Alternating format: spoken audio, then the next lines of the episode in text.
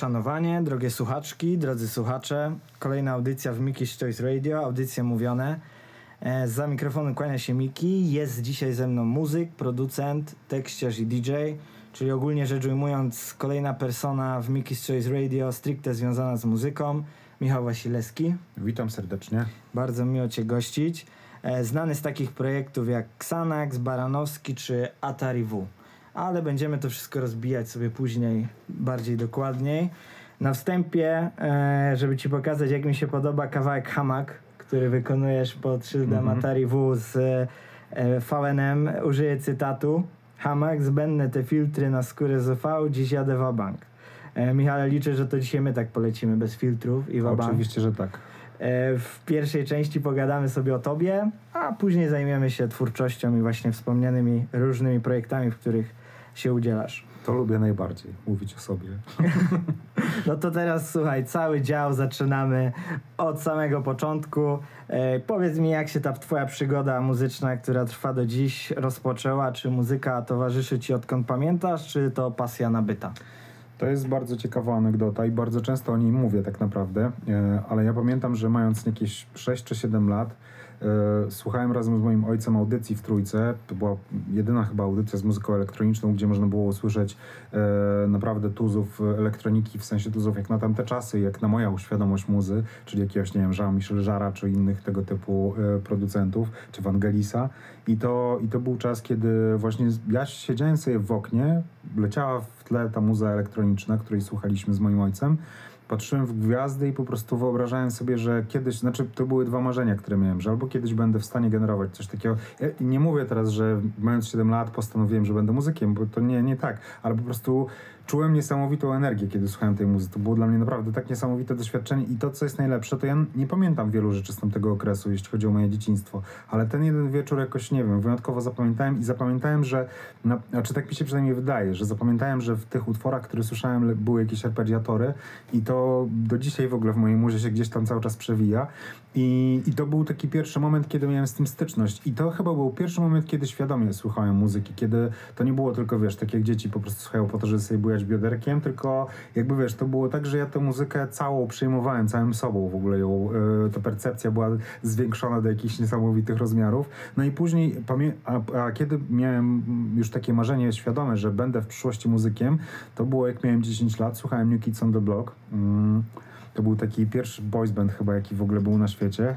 Strasznie na muzyka, ale, ale yy, znaczy, no, Ale nie. no, słuchaj, no jak się jest troszeczkę młodszym, to też ta percepcja Nie, ale powiem ci, do dzisiaj props dla chłopaków, bo naprawdę jakby w, w dalszym ciągu jak słucham utworu Games czy, czy Step by Step, to, to, to mi się to podoba i cały czas coś czuję jakiś sentyment do tego, bo są takie rzeczy, których słuchałem w swoim życiu, których dzisiaj już nie rozumiem, dlaczego e, wybierałem takie brzmienia, ale jeśli chodzi właśnie o ten okres, to miałem 10 lat i miałem takie postanowienie, że ja kiedyś będę, jak będę starszy, to będę miał zespół, w którym będziemy z kolegami mieli kurtki jeansowe, bo bardzo marzyłem o kurtce jeansowej, której nie miałem, po prostu byłem Mhm. z biednej rodziny, więc jakby nie było nas stać na kurtkę jeansową i mi się ta kurtka jeansowa marzyła i spod tej kurtki będę wyciągał klawiaturę i będę grał z trzema ziomkami koncert jak New Kids on the Block. To było Czyli moje... tak to się zaczęło. Tak, dokładnie tak. Ale to powiedz mi, w, już tutaj troszeczkę zdradziłeś, bo kolejne pytanie miałem właśnie, kiedy te zakusy twórcze się pojawiły, ale to może z, troszeczkę zmienię to pytanie, kiedy jakby poczułeś tak, że naprawdę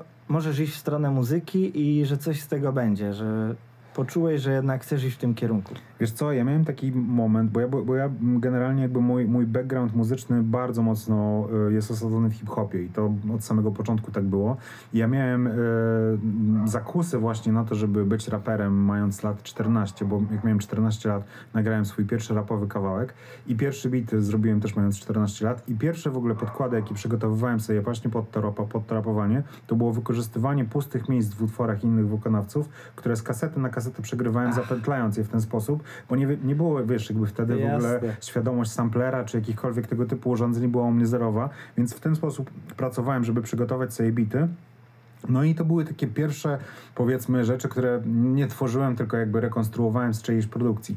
No i potem zacząłem się wsłuchiwać w to, co słyszę mm, i sprawdzać, jak mogę przenieść to samo brzmienie na swoje rzeczy. I pamiętam swój pierwszy beat rapowy, który brzmiał tak, jak gdyby wojsko miało maszerować na jakąś wojnę, a mi się wydawało, że to jest, wiesz, bardzo rapowy beat. Totalnie jakby, już dzisiaj jak na to patrzę, to mam, e, śmieję się z tego, bo naprawdę to, to był, była, był zupełny brak świadomości groove'u, rytmiki hip-hopowej, czegokolwiek tak naprawdę. No ale to była moja pierwsza produkcja i potem Pamiętam, że nauczyłem się w ogóle takiego programu, który nazywa się, nazywał się Mod Plug Tracker, e, a pierwszy w ogóle, na którym pracowałem, to był Fast Tracker, czyli program, który działał pod DOSem, e, miał przetwarzanie, próbkowanie dźwięku 8, 8-bitowe, więc wszystko brzmiało beznadziejnie.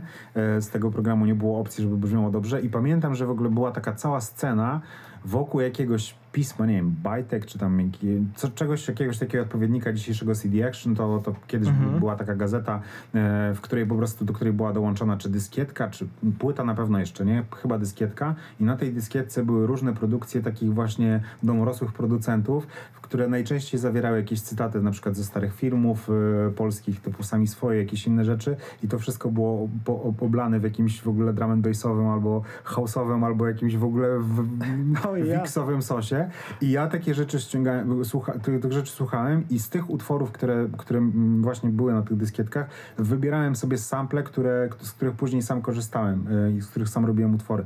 W ogóle totalnie jakby zawiła opcja produkcji, ale no tak to się zaczynało i ten mod Plug Tracker potem potem zamienił się w FL Studio, a FL Studio finalnie w Abletona i Cubase'a tak naprawdę. Więc, e, więc te początki to właśnie był okres wieku lat 14 i hip-hopowe zajawki.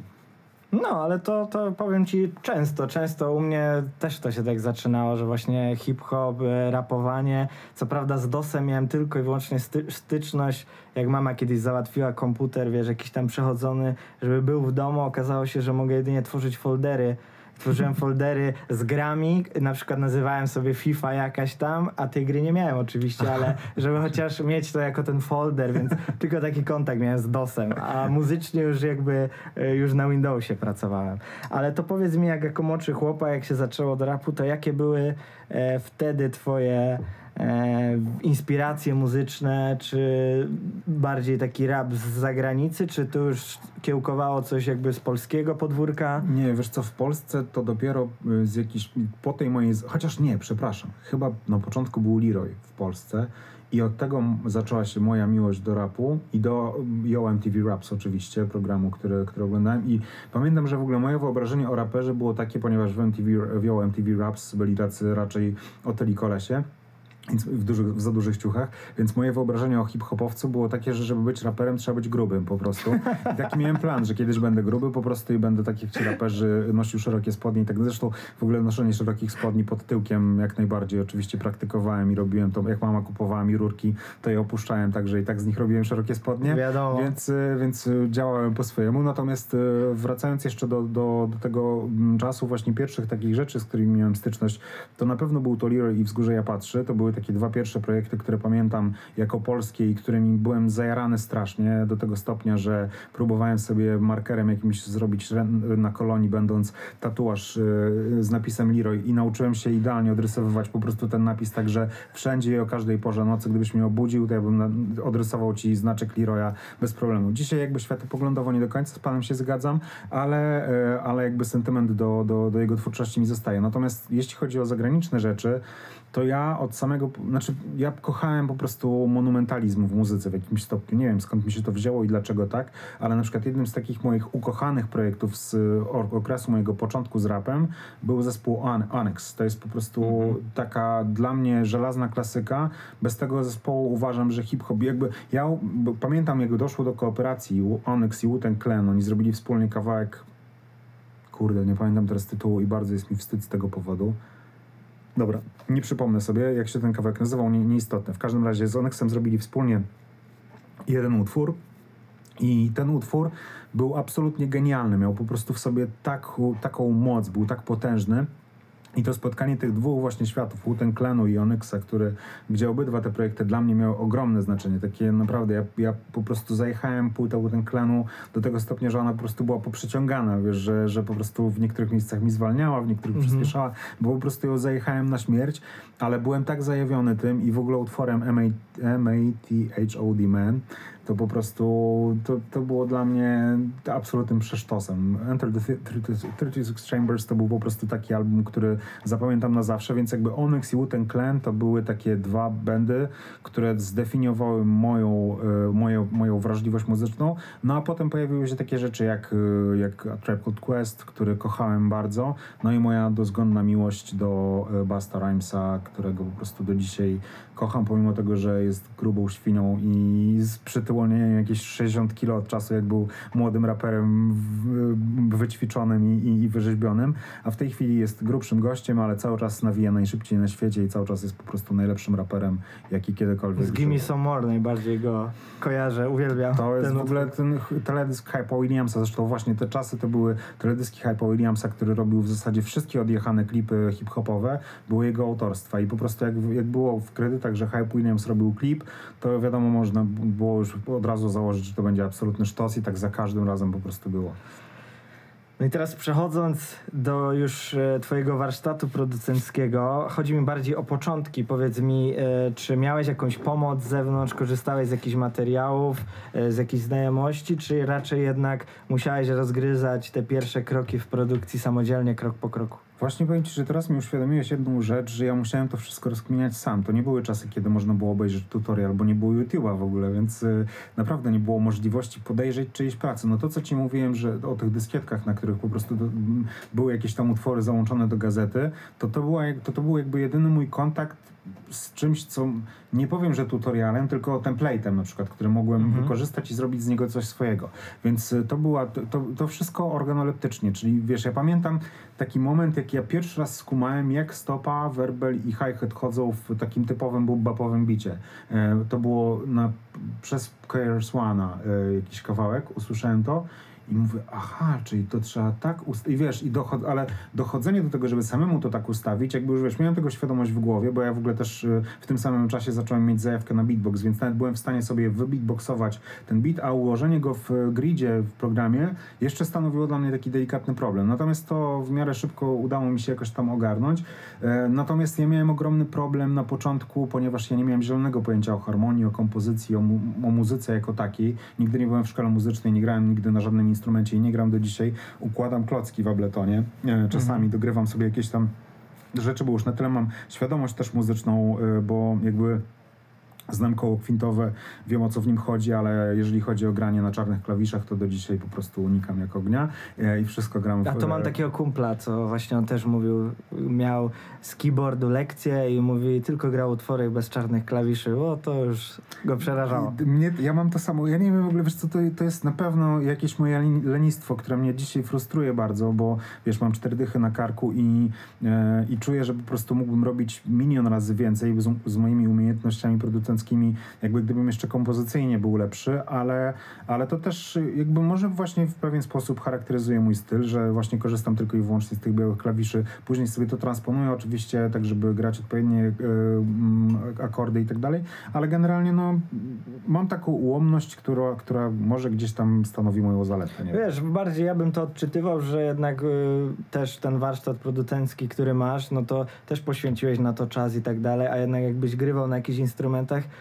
tyle tego czasu byś nie mógł poświęcić. Wiesz, wiesz. co, to nawet, nie, to, to nawet inaczej bym to ujął. Ja myślę, że przez moje braki, jeśli chodzi o podstawę harmonii, kompozycji i tak dalej, czy teorii muzyki, e, to ja musiałem jakby maskować te swoje braki w, w kompozycji e, właśnie produkcją i w jakiś sposób nadrabiać tym drugim elementem, przez co go coraz bardziej rozwijałem i coraz bardziej poprawiałem. Aż w końcu doszedłem do jakiegoś tam w miarę profesjonalnego e, poziomu, gdzie jestem w stanie robić te rzeczy. W zasadzie czasami niektóre nawet z zamkniętymi oczami, bo po prostu no, jak każdy producent mam, mam jakieś tam swoje patenty, e, ale, ale fakt jest taki, że wydaje mi się, że po prostu ja gdzieś nadrabiałem te, te braki w teorii muzyki właśnie produkcją. I już mówiąc właśnie o tej produkcji, e, wielki szacuneczek masz u mnie i każdy z producentów, który oprócz tego, że ma pomysł, potrafi to jeszcze, wiesz, zmiksować, zmasteringować, bo wiem, ile to kosztuje pracy, umiejętności e, i w ogóle włożonego czasu.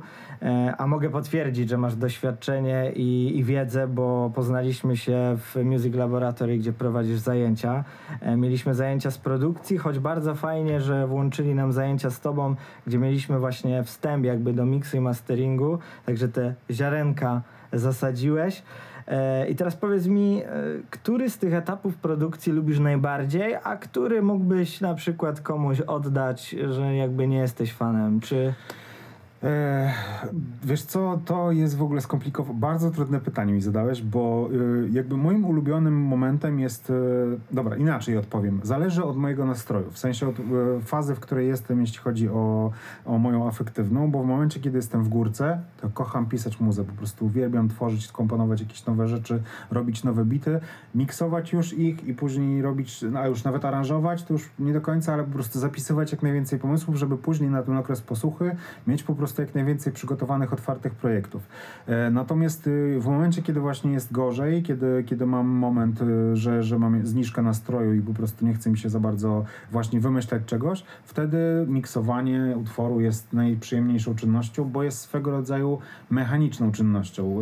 E, jakby w, przeciwieństwie do kreatywnego, chociaż, dobra, to też może przesadzam, bo oczywiście w trakcie miksu też musisz być w jakiś sposób kreatywny, ale nie wymaga to takiej kreatywności, jak w momencie, kiedy kreujesz po prostu cały kawałek kawałek, czyli wymyślasz coś od zera i nadajesz temu jakiś tam realny kształt. Więc dla mnie mix i mastering jest w momencie, kiedy mam doła, e, z tym rozwiązaniem, znaczy bardzo fajnym rozwiązaniem, e, a w momencie, kiedy, kiedy jest e, dobrze i kiedy mam bardzo dobry nastrój, wtedy zdecydowanie lepiej mi się komponuje. Więc jakby właśnie zależy kiedy, który z tych etapów. Rozumiem. A najmniej lubię wymyślać teksty i śpiewać je, bo, bo było jakoś mi to. Znaczy, jak już napiszę i, i, wszystko zrobię, to spoko, ale to jest zawsze rodzenie druta kolczastego. No właśnie, ja i... stoję przed takim dylematem, bo właśnie chcę w nowym materiale, żeby pojawiły się wokale, też nie moje, bo wolę się udzielać muzycznie, ale właśnie. E, tekst, nie? Napisać chciałbym kiedyś, ale widzę, że jakby nie wiem, czy nie zostawię tego komuś, bo no nie czuję, bo powiem ci bluesa. Nie chcę też robić tego na siłę. Ale w ogóle to, co, to też, co powiedziałeś, jest w ogóle bardzo specyficzne dla Polski w, w ogóle, jeśli chodzi o takie,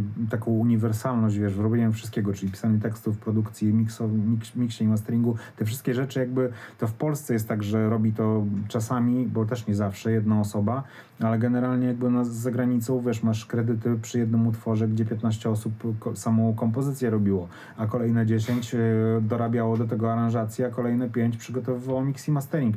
Więc jakby, no czy dobra, powinno przesadzam, że 5 robiło mix i mastering, to zazwyczaj robi jedna osoba, ale jakby chodzi mi o to, że tutaj w Polsce naprawdę od producenta wymaga się zdecydowanie więcej niż, e, niż za granicą. Tam jest to sukces kolektywu, a tutaj jednostki. Tak, i to, ale wiesz, to wynika jakby też z o, liczebności naszego kraju i tego, że rynek zbytu no, jest zdecydowanie mniejszy. No, jakby porównując artystę topowego z Polski, który zarabia jakieś tam całkiem niezłe pieniądze, gdyby porównać jego zarobki z amerykańską gwiazdą, no to wiadomo, mhm. że wypadlibyśmy blado. E, więc jakby na, gdybyśmy osiągali sukces w, taki, jaki osiągamy na skalę Polski za granicą, w sensie na przykład w Stanach, no to myślę, że ja po Xanaxie byłbym zarobiony do końca życia. A w takiej sytuacji, w jakiej żyjemy w Polsce, no cały czas e, jednak musimy pracować, działać, robić jakieś kolejne rzeczy. Jasne, a jeszcze chciałem zapytać Cię już teraz jako e, nie twój uczeń, bo już ukończyłem swój kurs. E, już mówiliśmy o tym, że właśnie poznaliśmy się w szkole. Dołożyłeś sobie do swoich obowiązków właśnie taki dydaktyczny element, że uczysz innych, jak produkować, jak miksować. I powiedz mi, e, jak Ci się podoba ten element? Czy spodziewałeś się, że trochę inaczej to będzie wyglądać, czy jednak jakby spełniasz się w tej roli i podoba Ci się Wiesz to? co, spełniam się w tej roli i podoba mi się to. Yy, przede wszystkim jestem zaskoczony tym, jak wiele sam się nauczyłem w ogóle w trakcie uczenia. Wiesz, ile rzeczy musisz usystematyzować sobie w głowie, żeby później wytłumaczyć je komuś, wiesz, bo to nie jakby pewne rzeczy robi się na, na wyczucie, na przykład, nie wiem, y, kompresję przez bardzo długi czas robiłem na wyczucie, później już zacząłem robić ją y, zdecydowanie bardziej świadomie, ale w momencie, kiedy musiałem ją wyłożyć i powiedzieć komuś, w jaki sposób kompresować, jak tego używać, do czego to służy i w ogóle co to jest ten kompresor, to naprawdę wygląda to zupełnie, znaczy ta świadomość tego procesu całego zmienia się diametralnie i tak jest z każdym elementem. Wiesz, ja w, ja w tej chwili uczniom podczas zajęć tłumaczę każdy potencjometr z, z pogłosu, który, który w, tym, e, w tym pogłosie się znajduje, żeby każdy wiedział doskonale po prostu do czego każdy z tych elementów jest, a też bardzo wielu z tych, z tych e, części po prostu najczęściej nie, nie używałem, bo używałem DK'a, Size, może Mixu, a w tej chwili, wiesz, jakby już ogarniam każdy reverb, który dostanę do ręki, no jakby nie ma tam dla mnie żadnych tajemnic. No Zresztą- układ czasami się zmienia, ale powiedzmy... tak, znaczy też no, bo czasami niektóre e, wtyczki mają filtry przy reverbach, inne nie, ale to są jakby detale. Natomiast chodzi o to, że jakby nie ma czegoś takiego, że siadasz do jakiegoś pluginu e, zupełnie nowego dla ciebie i nie wiesz w ogóle co w nim zrobić, nie? Bo, bo jakby to się, to się zmienia w trakcie takiego Ale to a procesu. propos łączyć teraz, połączę dwa wątki, o którym przed chwilą wspomniałeś, że właśnie dużo się nauczyłeś, jak musiałeś komuś wyłożyć i też, że pewne braki w teorii muzyki, to znany jazzman Jamie Callum, który gra koncerty na 20 czy ty- 30 tysięcy ludzi, jego córka poszła do szkoły muzycznej. No i się zaczął kłopot, bo on nigdy nie był w szkole. I ona go pyta o jakieś podstawowe rzeczy, a on mówi, że nie wie. Ona wie, jak nie wiesz. Grasz jazzowe koncerty, 30 tysięcy ludzi przechodzi, podstawowe rzeczy nie możesz mi wytłumaczyć. I on wtedy też powiedział, że zaczął sam, pokupował książki, bo mu było wstyd przed tą córką, nie? Że... Ale takie, znaczy wiesz, to tak samo jest w ogóle podczas zajęć, wiesz, kiedy y, pracu, pracując w Music Clubie, mając zajęcia z uczniami, kiedy słyszę y, na przykład, że ktoś pyta mnie o coś, na co ja nie znam odpowiedzi, bo czasami się tak zdarza, wiesz, no czasami ktoś mnie zapyta o coś, co jest kompletnie jakby abstrakcyjnym pytaniem, ale zawsze staram się dowiadywać, jeżeli nie, na, na jednych zajęciach tego nie wiedziałem, to na następne zajęcia przychodzę już przygotowany i mówię, słuchajcie, a propos pytania z poprzednich, to... Lekcja odrobiona Tak. nauczyciela. Znaczy wiesz, bo to jest bardzo istotne, bo jakby to, to też nie chodzi o to, żeby robić z siebie omnibusa, wiesz, i, i mówić, że tak, ja wiem i to jest to i to, i wiesz, tłumaczysz komuś jakąś ścianę. A, dokładnie. Bo, bo, to, bo to nie ma większego sensu, bo ten ktoś może to zweryfikować i na przykład za miesiąc, kiedy już będzie bardziej ogarniający, powie ci, ale przecież pan mówił wcześniej, czy tam ty mówiłeś wcześniej, że to w ogóle jest inaczej, nie? I to jest dla mnie, me, to byłoby mega słabe. No więc... wiarygodność już twoja jako Dokładnie, tak. prowadzącego sprawy. Tak, dlatego lepiej jest powiedzieć, że się czegoś nie wie i się tego dowiedzieć, niż wiesz, niż iść w zaparte, że tak, ja to ogarniam i to wszystko jest dla mnie jasne. Teraz może takie sztampowe pytanie, ale już właśnie patrząc, że y, jesteś już... Nie mów, że to będzie skąd nazwa Xanax. Nie, nie, nie. E, bardziej chodzi mi o to, że ym, sztampowe pytanie, ale moim zdaniem bardzo ważne i właśnie może być fajne dla osób, które zaczynają, które będą próbowały swoich sił, a na przykład się wahają.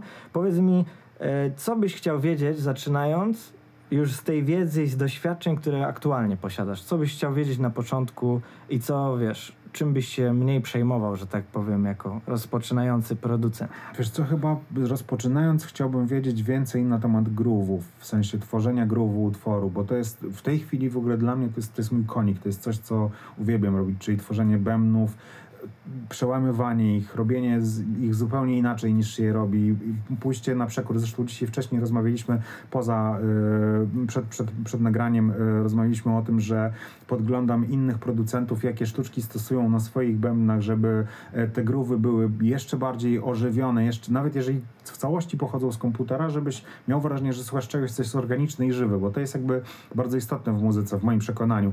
I to jest ta wiedza, której bardzo mi brakowało na samym początku, dlatego dzisiaj jakby jestem, wydaje mi się, tak dobry w układaniu bębnów, że właśnie to sta, sta, sta, stanowiło dla mnie największy problem. To było moim największym kłopotem, żeby zrobić fajnie bębny, tak jak ci mówiłem przy pierwszym swoim kawałku, w ogóle nie wiedziałem, jak odtworzyć coś, co słyszę, czyli groove, który ktoś stworzył, więc gdybym miał sobie coś poradzić i powiedzieć yy, z tamtego okresu, to bym powiedział, stary, studiuj więcej bębnów i sprawdzaj, jakie masz jeszcze możliwości, ucz się nowych podziałów i rób to. No nie ukrywam, że to takie pytanko było, wiesz, że trochę wyciągnę też dla siebie. Także będę pewnie pracował nad tą sekcją rytmiczną. No i na koniec tej pierwszej części o tobie mam jeszcze chciałem poruszyć temat choroby, która e, już się pojawiła dzisiaj e, nieśmiało w relacji i którą się mierzysz każdego dnia, e, ale chciałem zwrócić uwagę, bo sam to robisz też w formie w swojej twórczości, właśnie w rozmowach wskazujesz na ten problem, chcesz pomagać innym, a chodzi o chorobę afektywnej dwubiegunowej, która w dużym skrócie charakteryzuje się e, zaburzeniami nastrojów, poznaniem takich zmiennych cykli od manii po depresję. I teraz powiedz mi, co ostatecznie przekonało cię, aby zająć się tą kwestią w szerszej skali, aniżeli, wiesz, własna walka z tymi zaburzeniami? Wiesz co, to może nie to, że coś mnie przekonało jakoś szczególnie, tylko bardziej w którymś momencie po prostu zdałem sobie sprawę z tego, jak bardzo cały czas ten temat jest stygmatyzowany, w sensie, jakby wiesz, w ogóle mm, afektywność dwubiegunowa ma jeszcze jedną nazwę, ta nazwa to cyklofrenia i ta, jak, jakby, jakby ktoś mówi, mam cyklofrenię, to wiesz, to już od razu jest traktowany jak jakiś absolutny świr. Ja też nie chcę w ogóle w żaden sposób, jakby wiesz, tworzyć rankingu chorób, że na przykład, nie wiem, schizofrenia, która z tą cyklofrenią wydaje mi się, że dość blisko, blisko rezonuje, jeśli chodzi o samą nazwę. E, natomiast jeśli chodzi o typ zaburzenia, no to jest zupełnie coś innego. Natomiast prawda jest taka, że w Polsce generalnie choroby psychiczne w dalszym ciągu są nieco stygmatyzowane. Jakby dużo mamy większą świadomość, bo coraz więcej ludzi chodzi do psychologa, do psychiatrów e, w momencie, kiedy pojawiają się jakieś zaburzenia nastroju, to coś z tym ludzie robią. Kiedyś po prostu, jak miałem gorszy humor, to, to miałem gorszy humor i tyle i wszyscy mnie przekonywali, że wymyślam albo że to jest jakaś bzdura. A prawda jest taka, że, że po prostu te zaburzenia są, pewnie istnieją od wieków i może nasza jakby cywilizacyjnie, w związku z tym, że się dość szybko rozwijamy, że technologia idzie naprzód i tak dalej, to być może tych problemów mamy nieco więcej mm, ze, ze swoją głową, e, plus e, jakość życia, którą mamy, no też jakby różni się od czasów, nie wiem, pokoleń naszych dziadków czy babci, którzy pamiętają wojnę albo pamiętali, jak już nie żyją, więc jakby to jest, to jest zupełnie inne, inne podejście do życia, ale wydaje mi się, że w Polsce cały czas jakby pokutuje taki, taki, taka stygmatyzacja osób e, z zaburzeniami. Ja pamiętam, że na początku bałem się w ogóle o tym mówić, wiesz, to było takie, w ogóle jak dostałem diagnozę, to, to też, no, to nie było nic miłego, wiesz, to nie była opcja typu yeah, te, mm -hmm. teraz to już jest super. Znaczy, chociaż z drugiej strony ja miałem taki okres w swoim życiu, w którym uważałem, że artysta powinien być e, trochę e, nienormalny e, umysłowo, więc, więc to jakby dobudowywało moją, e, moje pojęcie tego, że jestem artystą, więc jeszcze do, te, do tego jestem świrem, więc super. E, natomiast, e, natomiast prawda jest taka, że w którymś momencie, głównie ze sprawą mojej żony, jakby zrozumiałem, że mm, zaburzenie to jedno, ale nie trzeba się temu poddawać. Jakby nie musisz żyć tylko pod dyktat tego, tego zaburzenia. I, I, staram się to robić, yy, żeby pokazywać też innym, bo pamiętam sam, jaki miałem problem w momencie, kiedy zaczęły się moje jakiekolwiek zaburzenia, yy, jak duży problem stanowiło to, że nie miałem wsparcia w postaci rozmowy z innymi ludźmi na przykład. Czy wiesz, czy dzisiaj są fora internetowe, grupy na Facebooku, wiesz, naprawdę można znaleźć tego multum. To jest, to jest ogromny jakby, chciałem powiedzieć rynek zbytu, ale to jest, to jest ogromny movement, nie wiem jak to nazwać, gdzie, gdzie, to, gdzie o tym się bardzo głośno mówi, ludzie, ludzie mówią o swoich zaburzeniach. Czasami niektórzy robią to w infantylny, w infantylny sposób i czytając jakieś tam e, posty na, na Facebooku, czasami mam taką myśl, że no dobra, okej, okay, to jest takie już trochę naciąganie i tak dalej, ale to mi się włącza po prostu mój wewnętrzny krytyk, bo ja sam siebie bardzo często krytykuję, mm -hmm. więc automatycznie coś takiego mi się włącza. Natomiast fakt jest taki, że dzisiaj źródeł pomocy jest naprawdę cała masa, a w czasie, kiedy ja zaczynałem swoją przygodę z tymi zaburzeniami, no to poza moim psychiatrą, to w zasadzie nie miałem z kim o tym porozmawiać, więc wydaje mi się, że takie mówienie o tym na głos, zresztą wiesz, jakby też widzę po, nie wiem, czy moim Instagramie, gdzie kiedykolwiek cokolwiek wspomnę na temat tego zaburzenia. E, miałem taki moment, że chciałem robić e, w ogóle mm, podcast e, właśnie dotyczący dbania o zdrowie psychiczne, w jaki sposób ludzie o swoją higienę psychiczną dbają i tak dalej. To mówiłem o tym bardzo dużo na ówczesnym Instagramie i naprawdę odpowiedzi ludzi były fenomenalne, wiesz, no ludzie mówili, że mają podobnie, że cieszą się, że ktoś o tym głośno mówi, wiesz, i, i, i to jest naprawdę niesamowite w ogóle uczucie i niesamowita rzecz. Jasne. Bardzo fajnie też, że E, jak Krzysztof Komeda, nasz znany polski jazzman, on też zawsze mówił, że swoje słabości stara się e, jakby tak odwrócić, żeby wykorzystać w muzyce i tak jak dzisiaj mówiłeś też swoje te różne e, cykle wykorzystujesz w odpowiednich tak. etapach produkcji, tak także jest. też bardzo fajna sprawa. No to teraz przejdziemy sobie do drugiej części, czyli tej stanowiącej o Twojej twórczości. I na początek pytanie, ale nie będę ukrywał, że wiedzy nie mam za dużej, więc taki trochę może być to przelot. Powiedz, czy pierwszy Twój projekt to był Not, NOD e, z albumami Emos z 2011 roku oraz War Soul Experience z 2012? To był mój chyba trzeci albo czwarty projekt, ale dlatego, że ja po prostu wcześniej robiłem projekty, o których niewiele było słychać. Aha, okay. e, miałem jeden projekt, który miał chyba szansę na to, żeby cokolwiek się z nim zadziało. Znaczy, mój pierwszy w ogóle zespół nazywał się Hades OLS. E, w ogóle za, nazwa została skrócona przez, przez wydawcę, bo to było Hadesu Liryczne Sekwencje i to był e, mój e, hip-hopowy zespół, który, który miałem mając lat 19 czy tam 20. E, wydaliśmy epkę, taką, tylko że wtedy epka to też co innego znaczyło niż teraz, bo wtedy epka miała chyba 10 utworów, więc to była O w zasadzie kurczę. pełnoprawna płyta. Chyba. Nie jestem teraz pewien, ile tam kawałków na tej epce było, ale wiem na pewno, że, że no dobra. Ale to takie co, dwuminutówki, czy... Nie, nie, normalne, pełnoprawne, 3, 3 tam 40 czy tam 4 A, minuty okej. kawałki. E, mieliśmy przebój w ogóle, który na Vivie e, leciał, nie wiem tam ile, na, ileś naście razy dziennie, który nazywał się Dobra Rzecz. Bardzo wsiowa piosenka i, i, i dzisiaj z perspektywy, znaczy wiesz, jakby ja, ja mam coś takiego, że ja wtedy jak- jakby rozumiem siebie, co ja chciałem osiągnąć, a, ale dzisiaj patrzę na, na to z przymrużeniem oka, bo, bo to był taki raczej zabawny projekt niż, niż, e, niż po, poważny, a czy producentem tego projektu poza mną był również Soul Dramatic, e, czyli e, Mhm. jedna z takich, mm, znaczy w, po, w polskim rapie dość znaczących postaci, więc, więc, więc to jakby od tego się zaczęło. Potem był projekt Fame District, który miałem w Olsztynie z jednym raperem i, i, i wokalistą. Z tym zespołem nagraliśmy z PZ-em Noc i Dzień taki kawałek.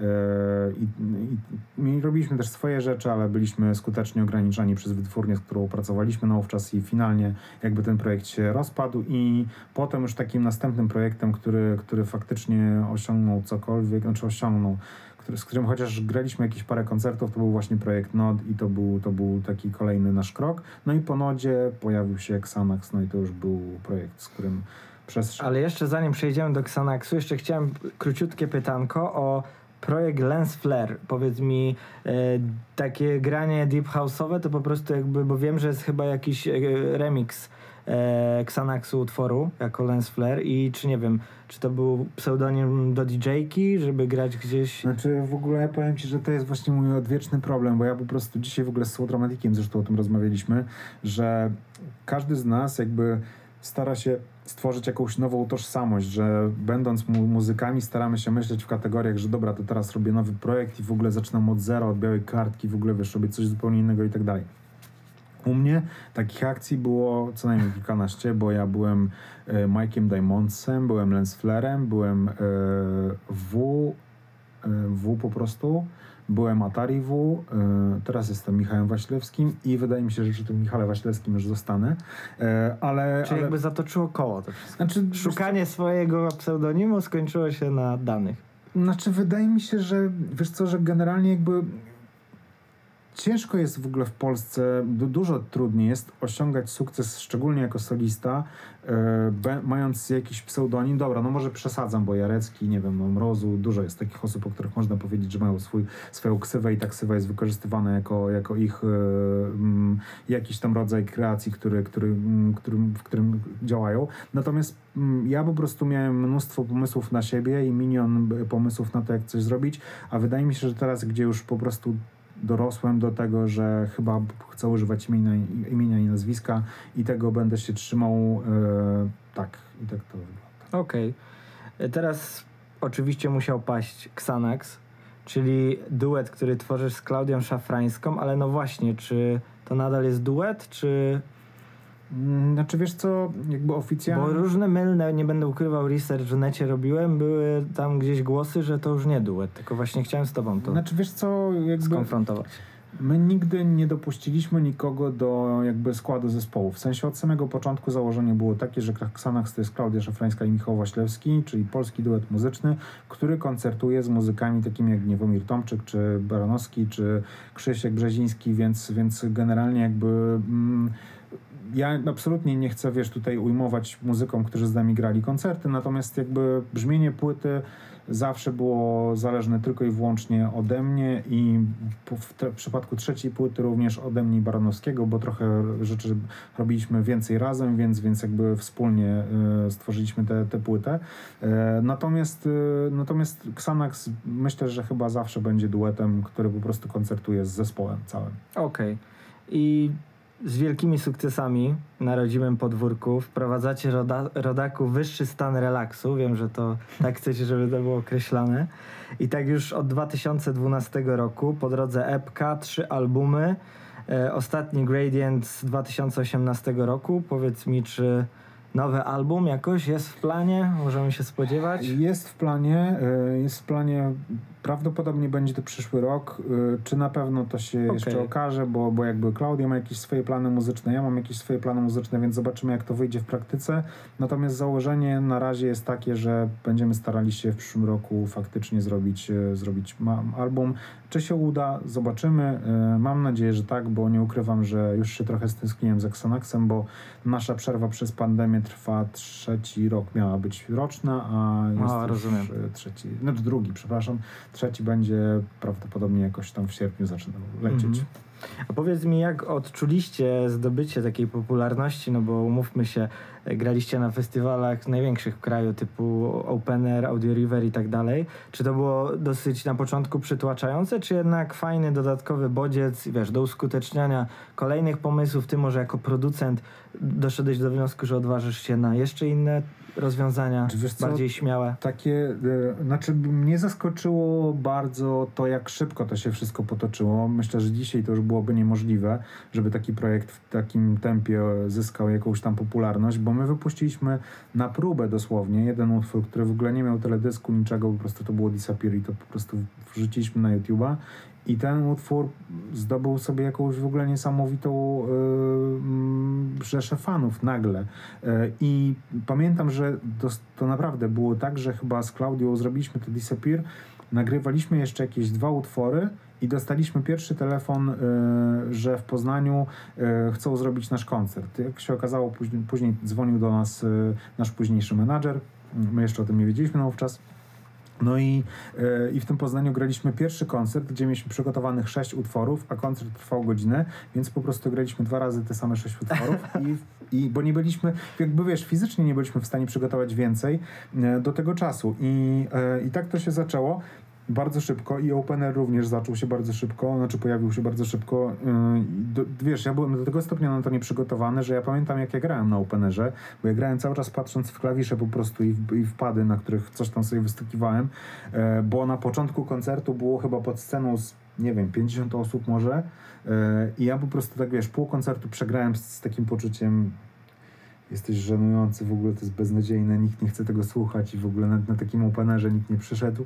I w pewnym momencie podniosłem głowę i zobaczyłem, że tam jest, nie wiem, no nie, też nie, nie mówię, że wiesz, że tam było jakieś zatrzęsienie ludzi, ale tam tysiąc, dwa tysiące ludzi może się zebrało pod tą sceną, więc naprawdę trochę tych osób było, no i to było takie uczucie, wow, ale fajnie, wiesz, i no a później graliśmy kolejny koncert na Openerze, który jest moim ulubionym, ukochanym koncertem w ogóle chyba życia, na którym było nie wiem ile, ze 12 tysięcy osób, bo to było w namiocie i te poza połami tego namiotu po prostu stali wszędzie, gdzieś tam dalej ludzie.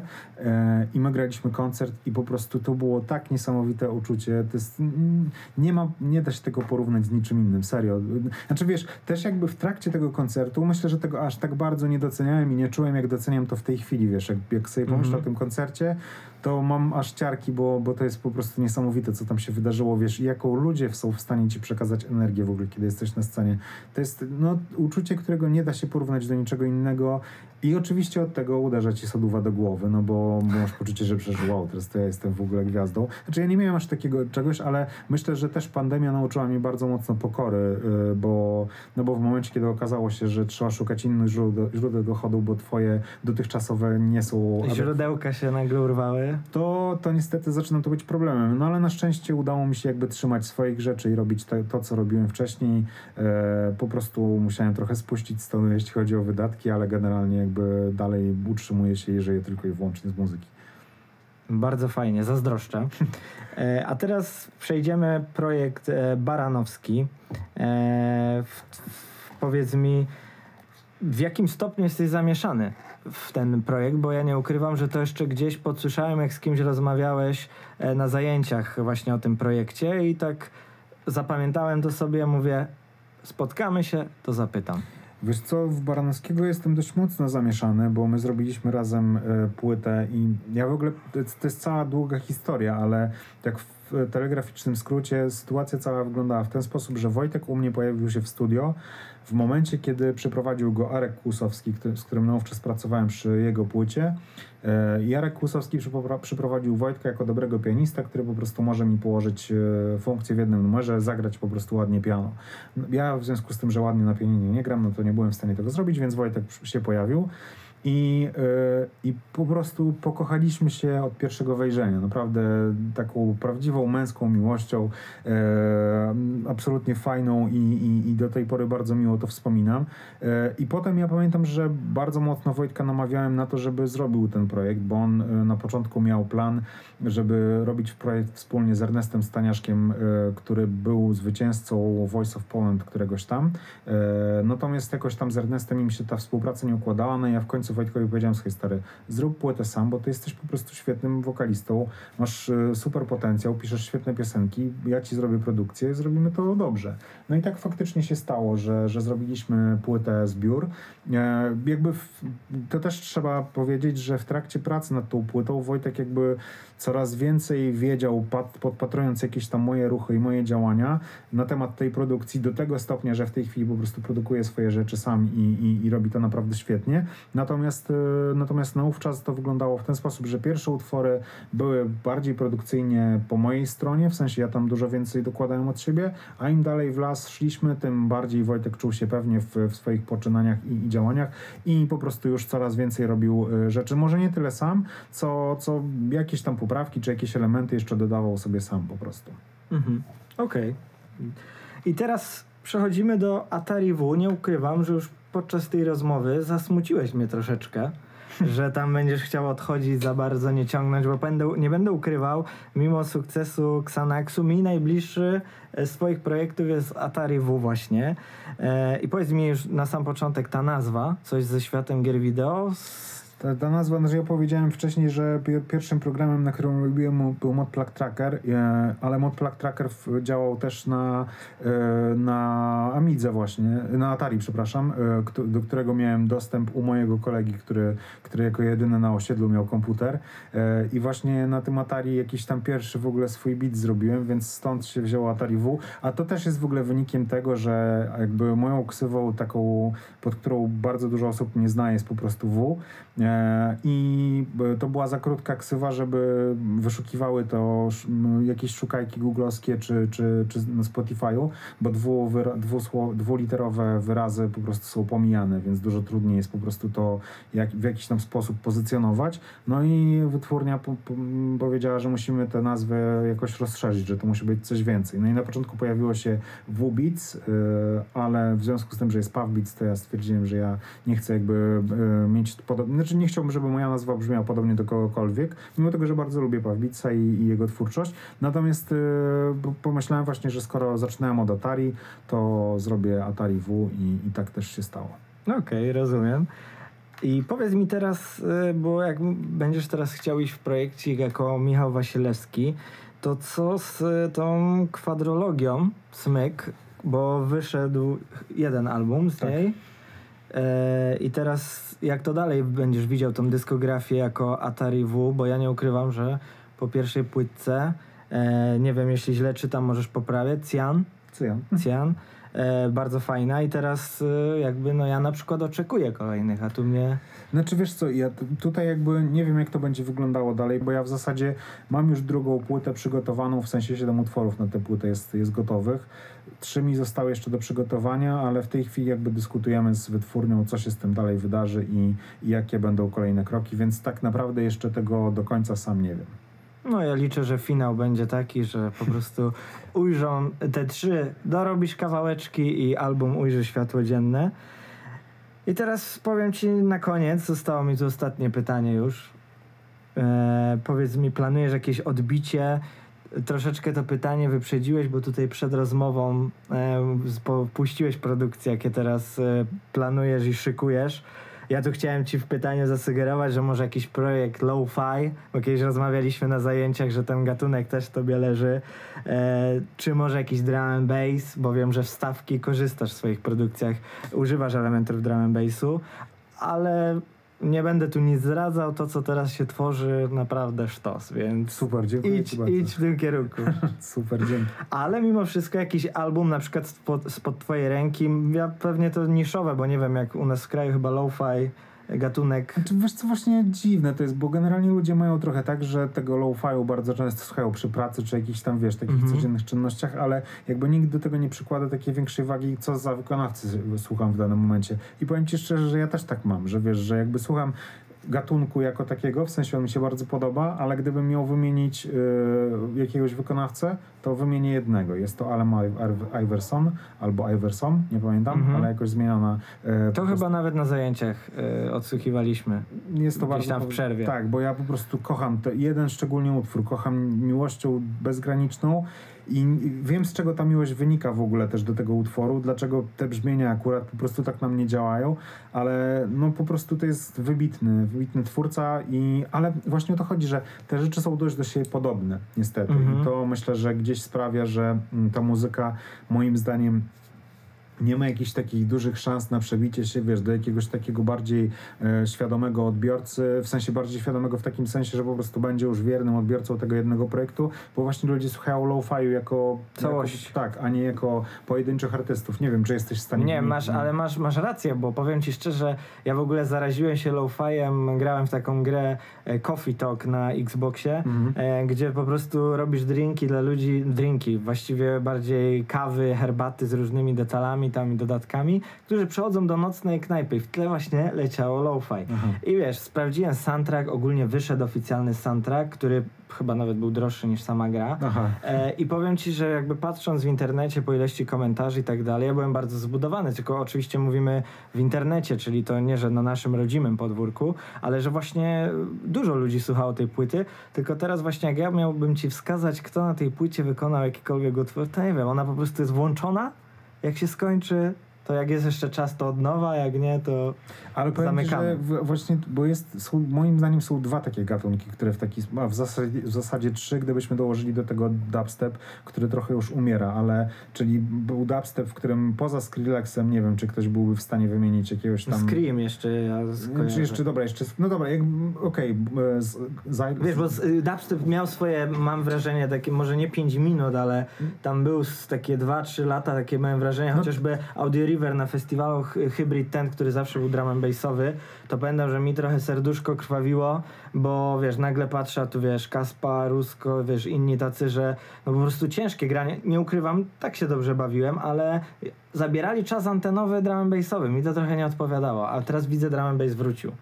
Tak, znaczy, właśnie wiesz, mi się wydaje, że z tymi gatunkami to jest po prostu, to są takie fale. Poza tym jeszcze chciałem tylko powiedzieć, że drugim takim gatunkiem, trzecim w zasadzie, no lo-fi, dubstep i e, future bass, moim zdaniem jakby dzieli ten sam los. Poza Flumem z future bassu nie znam żadnego wykonawcy, bo po prostu wszyscy robią, no dobra, jeszcze Kashmir Cat może i tak dalej, no ale jakby oczywiście wiadomo, że jakbym chciał tam wymienić, to pewnie bym kilku znalazł, ale jakby to się wszystko zlewa w taką jedną całość trochę, nie? I to, i to, i to, i to tak wygląda. Natomiast co do drum and bassu, ja nie wiem, jakąś zawsze będę chyba kochał, no. No ja też, jest, wiesz, dlatego jest specjalnie wydzielona nawet audycja w Mickey's Choice Radio, gdzie tylko gram drum and bassy. No ja, ja w ogóle powiem Ci, że mam e, zawsze w, moim, e, w, moim w moich proponowanych utworach na, na e, Spotify pojawia się chociaż jeden czy dwa utwory drum and bassowe, więc jakby to świadczy o tym, że cały czas muszę ich słuchać, skoro algorytm wybiera mi i podpowiada e, dramy. po No i powiem ci, że ja też drum and bassy uwielbiam przez pryzmat ludzi, którzy chodzą na koncerty, bo często właśnie na festiwalach jakby wchodząc o czwartej nad ranem do namiotu, gdzie jest grane techno, o czwartej nad ranem, gdzie jest grane drum and bass, to te twarze trochę inaczej wyglądają. Umówmy się, nie? I na przykład o wiele pewniej i przyjemniej czuję się w tym namiocie, gdzie jest grany drum and bass. Tak. Także na przykład, bo też dzięki kuzynowi jakby poznałem w ogóle drum and bass, świadek tych festiwali i właśnie pamiętam, że z pierwszego Audio River w ogóle z Hybrid ten nie wyszedłem, nie? Przez tam dwa dni chyba początkowo miał Audio River tylko. Więc y, dwa dni festiwalu siedziałem w jednym namiocie, gdzie masz, wiesz, główna scena, e, był ten cirkus i tak dalej. No, pochłonął mnie ten gatunek niesamowicie i ta radość, poznałem wielu ludzi, wiesz, pod sceną, też nawet się udało ze sceny. Znaczy wiesz, ja trochę ubolewam nad tym, że drum and bass jakoś tak zszedł w cień, w sensie, że no, jest już gatunkiem, który ma swoje lata i jakby myślę, że ludzie w okolicach 40, 35, 40 lat to są najczęściej, najczęstsi odbiorcy drum and bassu w Polsce, natomiast y, to młodsze pokolenie właśnie wybiera trap, wybiera dubstep, wybiera jakieś tam kolejne ewolucje i kolejne jakby y, odsłony, bo tak naprawdę wiesz, no nie ukrywajmy, że y, chill step, który wywodzi się z drum and bassu stricte po prostu, a jest połączeniem likwidowych dramów z, z mm, dubstepową perkusją, no to wiesz, no to jakby tak, ten gatunek ewoluuje i tak jak z trapem w ogóle też ta historia jest niezwykle ciekawa, bo ja pamiętam sam początek trapu, gdzie nienawidziłem tej muzyki, uważam, że to jest po prostu dno najgorsze, a dzisiaj po prostu jestem wielkim fanem, bo to tak ewoluowało i zmieniło się w tak fenomenalny gatunek i myślę, że drum, z drum and bassem też chyba tak trochę trzeba podejść, że jakby będą cały czas wykonawcy, których będziemy słuchali, ale będziemy jednak mimo wszystko najczęściej wracać do tych, nie wiem, do, ja na przykład do Roniego Size, czy... No właśnie, ja powiem Ci, że z drum and bassem mam taką jakby lukę, bo jakby tych totalnych old schooli, który jeszcze nawet powiedziałbym ten miks, to wszystko jest tam takie trochę, bym powiedział, tempe, Mhm. nie ma tego brzmienia, tego masowania w dołach. Ja nie jestem fanem do końca. Tak samo nie jestem fanem znowu tych nowych, takich przejaskrawionych, przesyconych, tam za dużo się dla mnie dzieje. Ja jestem fanem, wiesz, taki 2003 rok, nie wiem, Newton, London Electricity, wtedy właśnie Billion Dollar Gravy.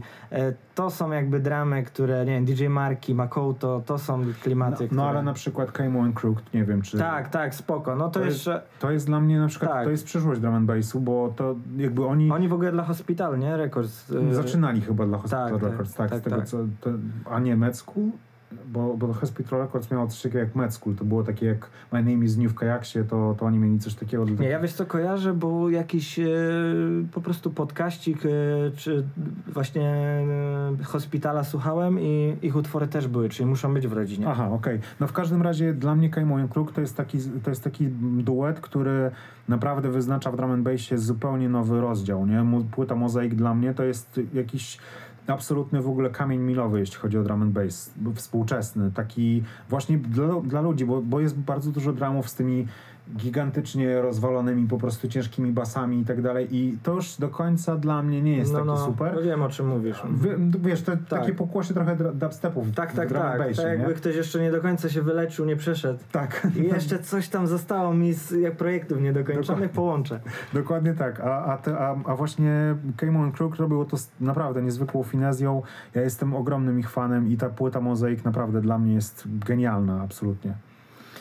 No i dobrze, i powiem ci, że przechodząc zawsze na koniec taka zabawa, 5 czwartych, zadam ci takich pięć króciutkich pytań, ty musisz szybko odpowiedzieć. Dobra. Masz tylko tak na odpowiedź i możesz jedną pauzę wykorzystać, jeżeli pytanie, wiesz, wybór byłby za trudny, Dobra. możesz pauza.